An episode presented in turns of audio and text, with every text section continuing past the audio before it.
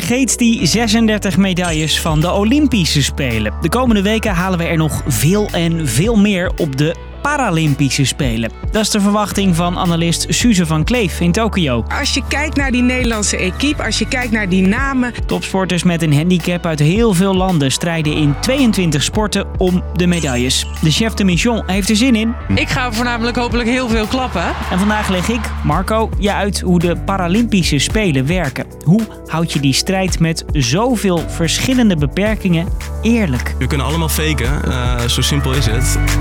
Lang verhaal kort. Een podcast van NOS op 3 en 3FM. De Paralympische Spelen zoals we die nu kennen begint ooit als een wedstrijd voor Tweede Wereldoorlog-veteranen in Engeland. Georganiseerd door neuroloog Ludwig Goodman. We're shown once again that even a spinal injury needn't stop you from joining in. Veteranen die bijvoorbeeld een dwarslesie hebben, krijgen van artsen in die tijd maar een paar jaar te leven. Maar Goodman gooit dat om door te sporten. How important are games like these to paraplegics?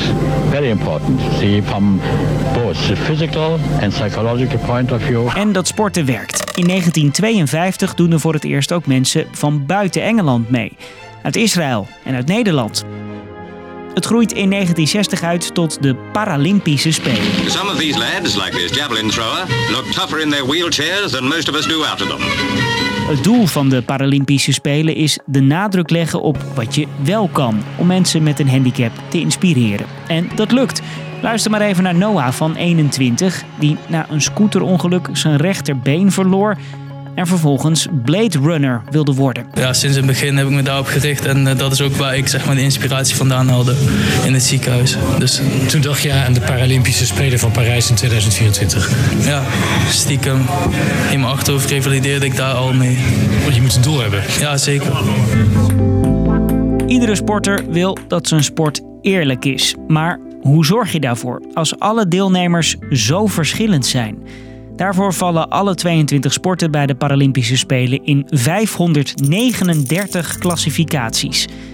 S5, T62, F46. Dit soort codes horen daarbij. En helaas lukt me in 5 minuten niet om alle 539 onderdelen af te gaan. En daarom pak ik even één voorbeeld uit de atletiek. De klassen worden aangegeven met een letter, zoals de T van track en de F van field. En daarachter staat een cijfer. Hoe lager dat cijfer, hoe groter de beperking. Een voorbeeld. Voor ons loopt atlete Fleur de Jong de 100 meter. Ze is geclassificeerd in T64. Haar beide onderbenen zijn geamputeerd en ze rent op carbon blades. Dus het is altijd van, oh, maar jij blades. Oh, dus dan hè, ben je dan sneller dan Daphne?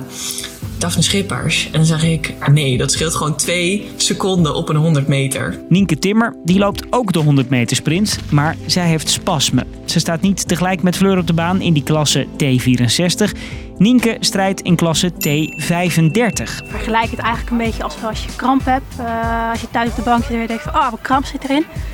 Dat, dat ik dat ook heb tijdens de race. En om tot die klassificatie te komen worden sporters door een hele molen gehaald. Er wordt gekeken welke beperking ze hebben. Ze moeten een medisch dossier aanleveren en ze worden geanalyseerd. Hoe specifiek al die klassificaties ook zijn, er is ook kritiek op. Bijvoorbeeld van deze oud-Paralympiër. Sommige mensen kun je de handicap niet eens van zien. En die zitten tegen mij te zwemmen. Terwijl ik dan dubbele onderbeenamputatie heb. Alleen al bij de start lig ik al drie, vier seconden achter. Het bekendste verhaal waarin het misging is van de Spaanse basketbalploeg in 2000 in Sydney. Ze deden mee in de klasse van geestelijk gehandicapte basketballers. Maar van de 12 Spaanse spelers hadden er maar twee echt een handicap. We were in the Olympic Village with the rest of the athletes. We were always encouraged to make ourselves seem stupid, but obviously we said no. Nobody suspected us when we were there. En zo zijn er meer verhalen. Oud-Paralympisch zwemmer Simon Boer vertelt dat sporters bijvoorbeeld in de keuring proberen in een makkelijkere categorie te komen. Als jij als classifier, want zo heet iemand die een klassificatie uitvoert, um, uh, spierkracht moet gaan meten. Um, ja, ik kan niet zeggen dat ik heel erg mijn best doe. Maar als ik vervolgens heel moeilijk gezicht trek en oh, geluiden maak, maar vervolgens dat been bijna stil hou, ja, dan scoor ik heel laag. En op de Spelen zelf vlammen ze volgens Simon dan wel op die 100%. Vindt hij jammer. Want elke sport verdient een eerlijke winnaar. De klassificaties gaan heel vaak goed, maar ook regelmatig fout. Ik neem geen enkele sporter kwalijk dat ze proberen te sjoemelen. Vergelijk het wel eens met doping uit de wielrensport. Als iedereen doping doet en jij niet, dan val je buiten de boot. Dus dan moet je bijna mee. Dus, lang verhaal kort, bij de Paralympische Spelen strijden sporters met verschillende handicappen om een medaille. Om dat zo eerlijk mogelijk te doen, vallen ze in heel veel klassificaties. Maar ook dan blijft het heel moeilijk om te beoordelen of sporters echt gewaagd zijn aan elkaar. En of de strijd om de medaille dus eerlijk is. En over beoordelingen gesproken, denk jij nou wat een toffe podcast? Geef ons dan een keer een review in je favoriete podcast app. Dat vinden we leuk. Of stuur ons een mailtje lvk.nos.nl. Fijn dat je weer luisterde.